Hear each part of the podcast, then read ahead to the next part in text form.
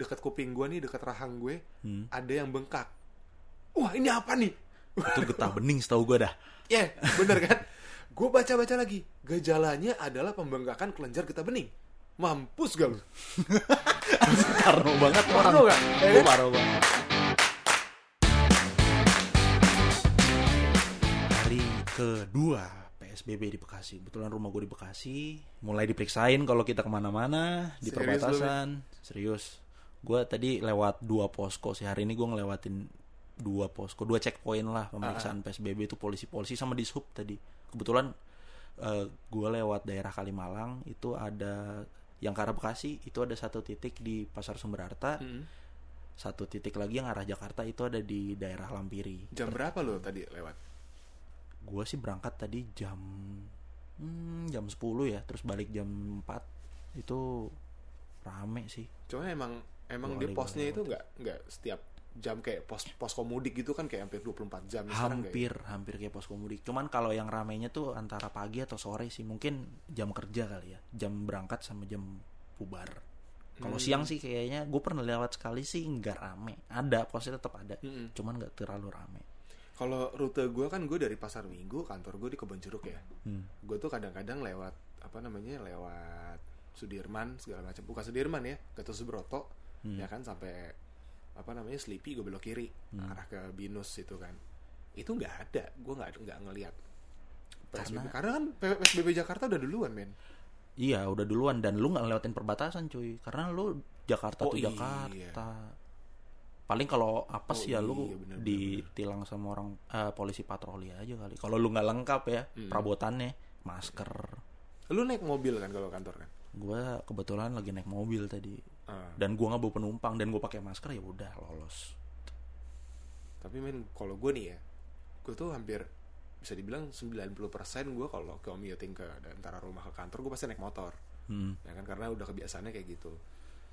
Ya, gue tuh ngerasa insecure banget di jalan men. Serius deh. Gue tuh sampai ya pakai jaket pakai. Ya kan, Tel- celana panjang, sepatu. Tapi gue tetep pakai jas hujan. Oh Mau iya? itu Serius lo? beneran. Mau itu hujan, mau itu terik panas kayak gimana, gue tetep pakai jas hujan. Hmm. dan gue pakai masker abis itu pakai buff. Lu kenapa kenapa lu pengen eh, kenapa lu pakai jas hujan tuh? Apa yang lu hindarin? Coba ini menarik nih gue baru baru baru ini ada Enggak, teori begitu. Bukan teori sih sebenarnya gini. Lu sekarang kan kalau lu masuk mana-mana pasti lu disemprotin disinfektan kan? Iya. Ya kan? Nah kalau gue pakai jas hujan ya gue tinggal disemprotin disinfektan dan baju gue nggak apa-apa di dalamnya gitu loh. I see ya kan? Dan Oh lu takut ketularan di jalan sama orang lain. satu itu. Mungkin sama pengendara motor lain. iya juga. Nah itu itu poinnya sebenarnya. Ketika gue di jalan gue nggak tahu gue lagi menerjang apa nih gitu kan? Soalnya gue ngebayangin nih gini insecure-nya gue atau overthinkingnya gue ketika gue di jalan gue nggak tahu tuh motor-motor di depan gue itu ada yang bersin apa enggak ada yang batuk apa Oh enggak iya iya iya. Jadi lu takut dia bersin terus virusnya airborne terbang di udara gitu Ah, terus lu dan- terabas gitu. yes gue takut Oh. takutnya ke sana gitu makanya gue benar-benar safety lah dan gue pakai full face Gila. panas emang dan gue langsung ngebayang itu tem- teman-teman atau apa tenaga-tenaga medis yang berjam-jam pakai itu panasnya kayak gimana men gerahnya kayak gimana men Wah panas yuk. Gua pakai masker nggak usah seharian deh. Sejam aja gua udah ngap kali. ya kan karena kita nggak biasa ya Iya nggak biasa. Asli gue ngap. Tuh kalau di mobil gue lagi sendirian gue buka masker. Gue nggak kuat men. Hidung gue keringetan, mata gue nggak, hidung gue doang keringetan. Kan lucu. dan dan lu kalau pakai masker kacamata lu ngembun pasti Pasti Iya itu kan? derita orang pakai kacamata pasti ngembun. Iya. Sama gue takut nih kalau pandeminya berakhir, terus kita sering keluar, gue kan kebanyakan kegiatan gue outdoor. Ah. Itu belang men, hidung ke bawah sama mata ke atas belang. Gue kayak simpanse, gue takut itu nggak lu? Tapi enggak sih, enggak, enggak, enggak. Enggak, kalau yang- Eh, fungsi kes- fungsi eh, fungsi perlindungannya itu jauh lebih dari itu. Itu enggak cuma bercanda doang. sih. Hmm. iya sih nah Takut makanya sebenarnya gue ngerasa insecure-nya itu jauh sebelum diberlakukan PSBB atau segala macam itu Hmm. pas kita dengar ada dua orang di Depok yang udah terjangkit virus corona Oh, itu udah lama banget sih sebenarnya. udah lama banget ya gue gue lupa bulan-bulan apa tuh. Nah eh, ada kali sehari dua hari setelah itu gue balik dari kantor. Hmm. gue balik dari kantor kan gue dari oh entah kenapa gue waktu itu lewat Antasari. Di situ lagi macet-macetnya tuh. Ada masjid. Hmm. ya udah gue berhenti dulu gue sholat isya.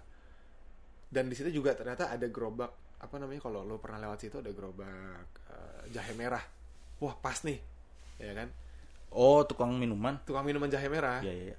udah gue sholat dulu nah pas sholat itu biasanya kan kalau kita lagi misalnya lagi baca al-fatihah atau segala macam gitu ya Hmm. ada yang batuk-batuk kan gitu kan Iya. ya kan biasa aja biasanya juga kalau anak Oh, enggak ya? gak gak sampai gitu men Terus dia ngeludah. Cuh. dulu Billy, ke- Billy kejatuhan barang dari lu pecicilan sih Billy Jangan jangan sengaja cuy. Enggak sengaja cuy. Cuma gua kaget tiba-tiba gelap. Sialan. hampir ketimpa gua pakai APD. Terus terus lanjut lanjut. nah itu gue ngeri banget men biasanya kalau misalnya lagi jumatan atau apa ada anak kecil batuk kan makin rame tuh batuknya ngerti gak sih lu Wow, bu. Anak kecil kan biasa rame tuh jumatan di belakang kan. ujung-ujung batuk-batuk Oh, gitu kan. Wuh, bubar, ber, tiba-tiba sepi belakang. Enggak gitu ya? ya enggak gitu men Oh iya. Nah, gue tuh pas dengar batuk itu, gue jadi sontak gitu loh, apa eh, refleks gue langsung merem, terus gue nahan nafas sambil nunduk gitu kan. Beneran gue nahan nafas sekuat tenaga gitu loh. Sampai rokat berapa ya? Lu nahan napas dari rokat berapa tuh kira-kira? Ya, Sampai kelar. ya enggak lah. Oh. Kalau misalnya udah ini ya udah gitu loh. Nah, terus eh, yang gue ngerasa lagi, kita habis selesai sholat, doa kan, biasanya kan kita salaman kiri kanan sama jamaah yang lain. Hmm. Ini sama sekali nggak ada yang salaman. Terus eh, salaman siku gitu. Jeduk. Belum ada, belum ada. Oh. Oh, itu kapan sih? Udah lama ya? Udah. Oh iya, iya, baru ingat gue yang pertama tadi eh, begitu ada kasus di Depok itu kan. Mm-mm, dan itu kan belum ada arahan apa-apa ya. Tapi udah nggak ada yang salaman tuh. nggak ada di situ nggak ada. Oh, iya? Kan jamaah juga nggak banyak sih. Berarti eh, banyak udah banyak yang worry juga ya pada waktu itu ya. Iya gitu. Dan sayangnya lebih banyak yang menyepelekan kalau menurut gue ya Sampai hari ini sih gue masih lihat tuh. sampai sekarang gitu loh. Dan sebenarnya ini bukan sesuatu yang bisa kita remehkan. Karena di, Sebetulnya bukan. di Indonesia sendiri per tanggal hari ini itu udah lebih dari 500 orang, 400 something, hampir 500 orang yang meninggal. Iya. Tapi hari ini ada good news sih. Setelah berhari-hari sebelumnya, bukan berhari-hari apa, sebelumnya, Berminggu-minggu. sebelumnya, angka kematian pasti lebih tinggi daripada angka kesembuhan. Iya, karena pada dasarnya memang di seluruh dunia eh, angka recovery-nya dari penyakit ini tuh lebih besar daripada yang meninggal. Nah, di Statistik Indonesia ya? tidak. Di Indonesia dari kemarin-kemarin angka meninggalnya lebih gede daripada angka sembuhnya. Hmm, Per hari ini baru. Gitu Maksudnya ada ada good news lah. Alhamdulillah lah kayak gitu. Gue nggak baca, gue gua nggak baca eh, berita sama sekali sih dari kemarin. Justru gini, gue emang baca berita dan gue eh, akuin ini mengerikan, Hmm. serem lah. Tapi gue sebisa mungkin gue menghindari nonton berita. Kenapa? Bikin gue takut men. Jujur gue masih sampai sekarang tuh masih banyak aktivitas di luar rumah. Hmm. Kayak gue mesti ngurus bengkel, kadang gue mesti ngurus kerjaan. Masih mangkal. Eh, Iya kalau malam kecerekan banci masih pakai tuh. Tambahan ya kan. Iya bang, pas lo.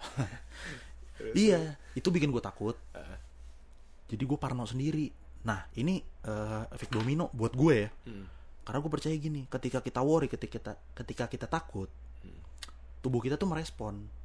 Gue cuman takut jangan sampai gue punya antibody ini lemah gara-gara gue worry, gara-gara gue parno. Hmm. Yang sebenarnya juga memang harus gue jaga banget, gue harus hati-hati banget. Hmm. Jadi protokolnya mesti komplit lah. Kalau gue keluar rumah sama masuk rumah itu mesti gue jaga.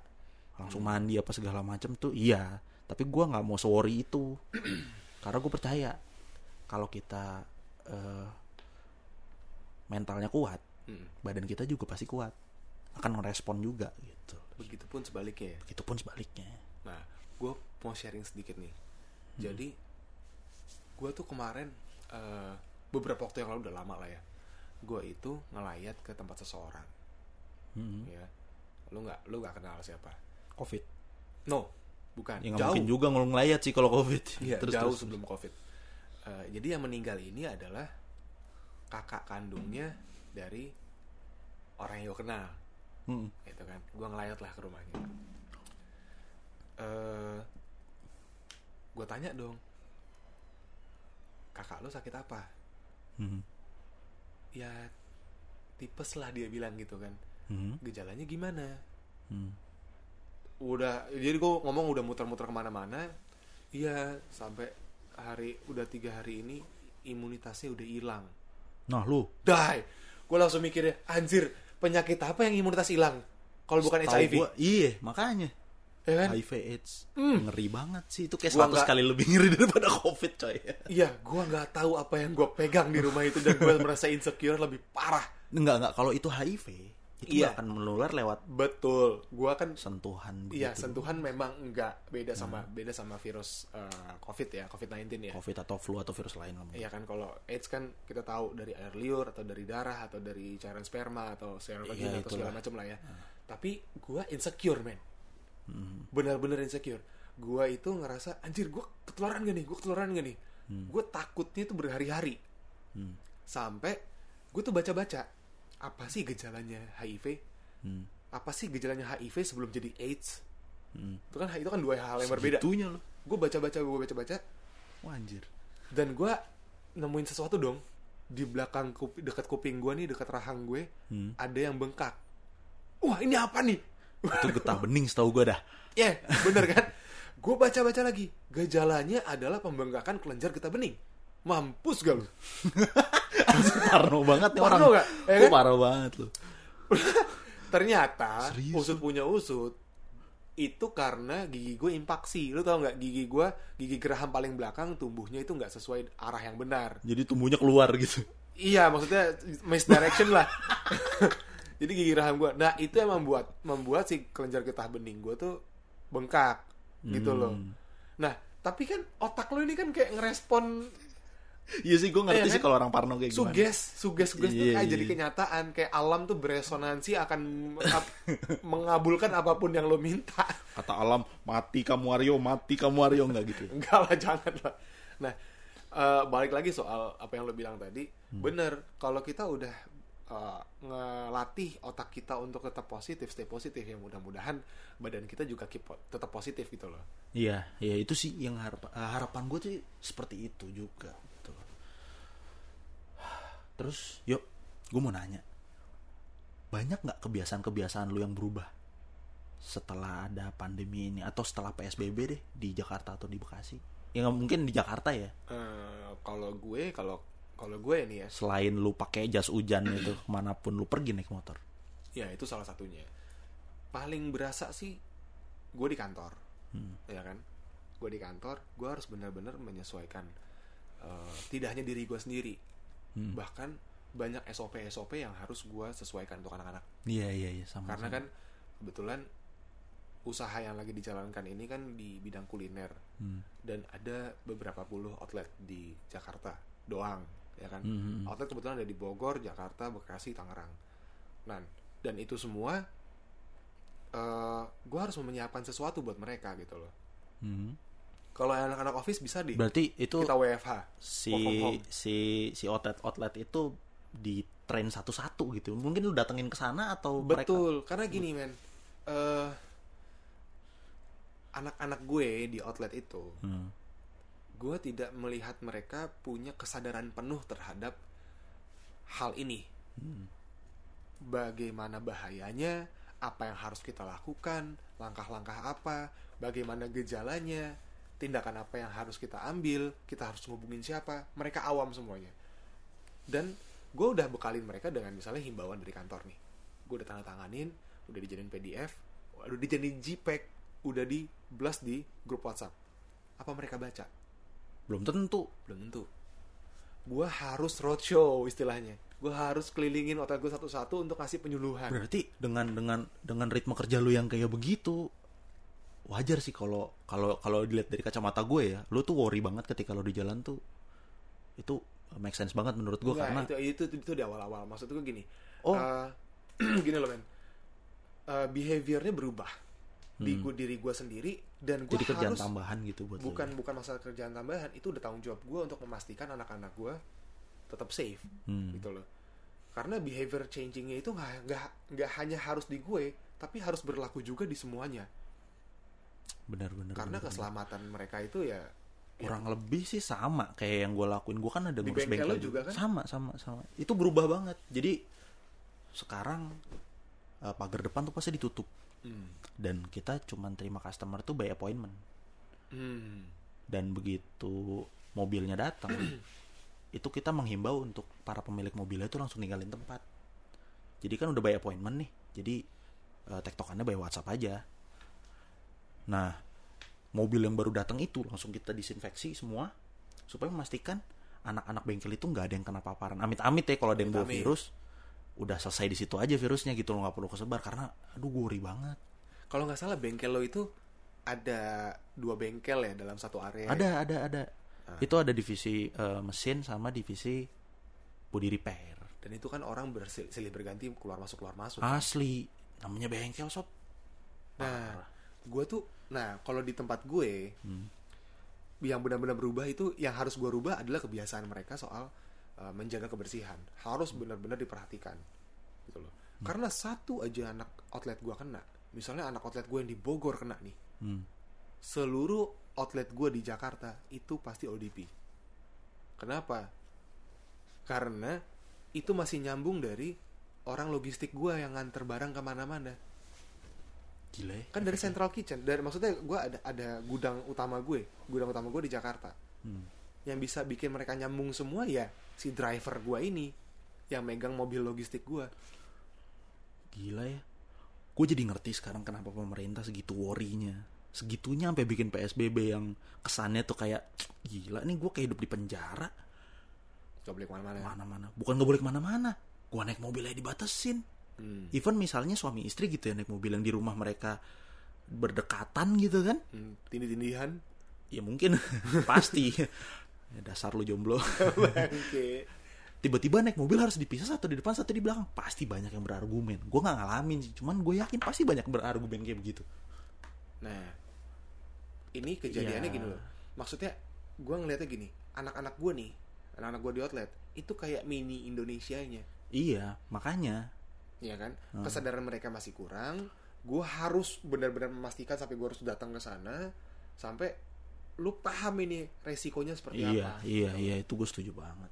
tapi harus dikasih tahu juga bahwa eh, ini virus bisa dikalahkan oleh diri kita sendiri kalau kita jaga pola makan jaga pola istirahat Betul, betul, betul, ningkatin betul. imunitas Setuju, tubuh kita setuju, setuju. gitu loh Iya. dan ngelakuin langkah-langkah preventif kayak misalnya kita cuci, cuci tangan jaga kebersihan So gitu. far sih yang paling eh, dianjurin sama dokter-dokter atau sama WHO ya pakai masker, cuci tangan. Itu aja sih, simpel itu aja sih. ya karena lu nggak mungkin ngumpul pakai kaki men Eh, iya, iya, iya kan iya. gitu loh Tapi gila ya, gue nggak tahu nih sampai kapan ini pandemi ya. Gue cuman khawatir aja. Ya pasti berakhir sih, tapi gue khawatir aja. Impactnya tuh ke mana-mana dan gue takutan gue gini nih. Satu ketakutan gue itu adalah bahwa kehidupan kita nantinya nggak akan seperti dulu lagi, coy. asik kenapa kenapa Serius. Semua orang jadi parnoan, semua orang jadi sok steril yang wah, dikit-dikit hand sanitizer, nggak mau salaman lagi sama orang, nggak mau nongkrong-nongkrong jauh-jauhan kayak gitu-gitu. Aduh, gue kangen masa-masa dulu, asli deh. iya sih men cuman eh oke kita harus lihat bright side-nya lah Iya. maksudnya kita jadi lebih bersih sekarang kita juga nggak lebih apa nggak jorok kayak dulu apa juga dipegang segala macam Apa aja dipungut? awas jatuh lagi bil Ini kayak benda ini. aduh lu kenapa taruh di situ sih kan Habis mau taruh di mana lagi yuk? Rumah gue kan gede banget, lu kan tahu sendiri. iya Kamar gue ukuran berapa ini? 30 cm kali. Gede banget. yang penting tangan bisa masuk bil Tangan bisa masuk. ya sebenarnya worry-worrynya ini sih ya harus kita sikapi dengan baik lah Iya, memang eh pengennya sih segera berakhir ya. Capek sebenarnya. Gue tuh kasihan sama orang-orang yang bergantung pada eh penghasilan harian penghasilan harian kayak eh, driver online, Ah. Terus eh, let's say tukang bangunan misalnya atau buruh buruh lepasan Hmm. kuli panggul gitulah. Gimana caranya cuy dapat duit? Kerjaan mereka cuman itu itunya toko tutup. Sama men. istrinya mau makan. Io gua kan Nah, apalagi event organizer. Even even Buset. io gua kan kelar. Maksudnya eh, mudah-mudahan bukan gulung tikar ya kita di pause dulu lah iya tapi kan memang orang-orang tenaga harian gue ya nggak nggak kebayar Hmm. Nah, kayaknya cukup deh ngomongin itu. Gue pengen nanya nih sama lo. Ya, andai kan, andai kan ini udah berakhir ya. Gue nggak tahu nih kapan akan berakhir, tapi hal pertama apa sih yang lu pengen lakuin setelah pandemi ini berakhir dan kita bisa beraktivitas seperti biasanya? Hal pertama Hal pertama. hal pertama nih ya Ah. gue mau meluk nyokap gue udah Oh, lu belum ketemu nyokap lu lagi? gue udah dua bulan gak ketemu nyokap gue jadi Astaga. ya kan lo tahu nyokap Iya, gue iya, tinggal iya, di iya. Bandung Hmm, hmm, gue di Jakarta gue gue mau ke sana tuh nggak bisa Hmm. Eh, dilemanya gini gue pengen memenuhi kebutuhannya dia juga Hmm. gue kirim duit nih misalnya Hmm. dia kan harus berbelanja Iya, benar. Eh, gue udah pekerjakan satu orang di sana nih si Hmm. Mang Adang lu pernah ketemu kan Iya. Nah Oh, nyokap gue gue kirim duit kan transfer dia harus ke ATM Hmm. gitu loh. Jadi si Mang Adang itu suruh ke ATM gitu. Iya, ini ini masa sulit men. Ini memang masa sulit. Iya. Cuman eh, kalau lo tanya apa yang mau gue lakukan, gue pengen ke Bandung, Hmm. worryless. Hmm. Gue ketemu nyokap gue tanpa khawatir gue akan menularkan sesuatu ke dia. That's it. Hmm. Selebihnya gue nggak nggak kepikiran lah liburan apa. Iya memang gue, aduh udah pengen banget gue ngumpul sama anak-anak motor. Gue pengen touring apa segala Hmm. macem, ketemu anak-anak eh, teman-teman kita lah. Hangout Gitu. lagi. Ya, sekarang kan nggak bisa men. Asli, gue pengen banget. Kalau gue sih pengen banget yang namanya nongkrong. itu doang sih receh. Gue pengen nongkrong sama teman-teman gue. Aduh, gue kangen. Ngapain kek? Ini lu, lu masih serumah ya nyokap lu ya? Iya. ya sebenarnya sih gue ada worry juga, cuman ya udahlah ya. Iya, apalagi kita must go on. Eh, tapi kan nyokap lu juga sering keluar-keluar ya? Iya. Masih- Ya nyokap nyokap gue sih udah tahu protokolnya untuk keluar masuk gimana di luar juga kan pakai masker ya di rumah juga bersih bersih ya udah sama lah sama yang gue lakuin mudah-mudahan aja kita terhindar dari ini semua Amin. terus kita bisa beraktivitas lagi seperti biasanya sebenarnya gue rada-rada sebel sih kalau ngomongin covid nih asli gue sebel karena semua orang tuh kalau gue ajakin ngobrol soal ini berasa udah jadi sarjana coy ntar mereka baca grup WhatsApp apa baca apa gue nggak ngerti apa nonton TV kali ya? Kan universitas WhatsApp, coy. Gila, semua orang S1 kayak soal Covid. Iya. Gua doang masih bodoh ya, kayaknya. banyak yang bisa banyak bisa ngasih saran dan apa segala macam. Banyak, banyak, banyak. Tapi entah dia lakukan atau enggak. Gue tuh paling sebel kalau udah baca grup WhatsApp. Udah baca panjang-panjang ternyata hoax ujung-ujungnya. Sehari kemudian itu hoax. Dan gue nggak bisa filter mana itu yang beneran anjuran, mana yang Hoax. hoax. Sampai ada yang bilang, tanggal segini jangan berjemur dulu di sini karena angin bertiup dari utara. Astagfirullahaladzim. Itu konyol sih, men. lu takut terbang apa hanyut atau gimana setahu gua virus itu dia eh gue pernah baca nggak tahu ini hoax nggak tahu bukan ya kata WHO apa siapa itu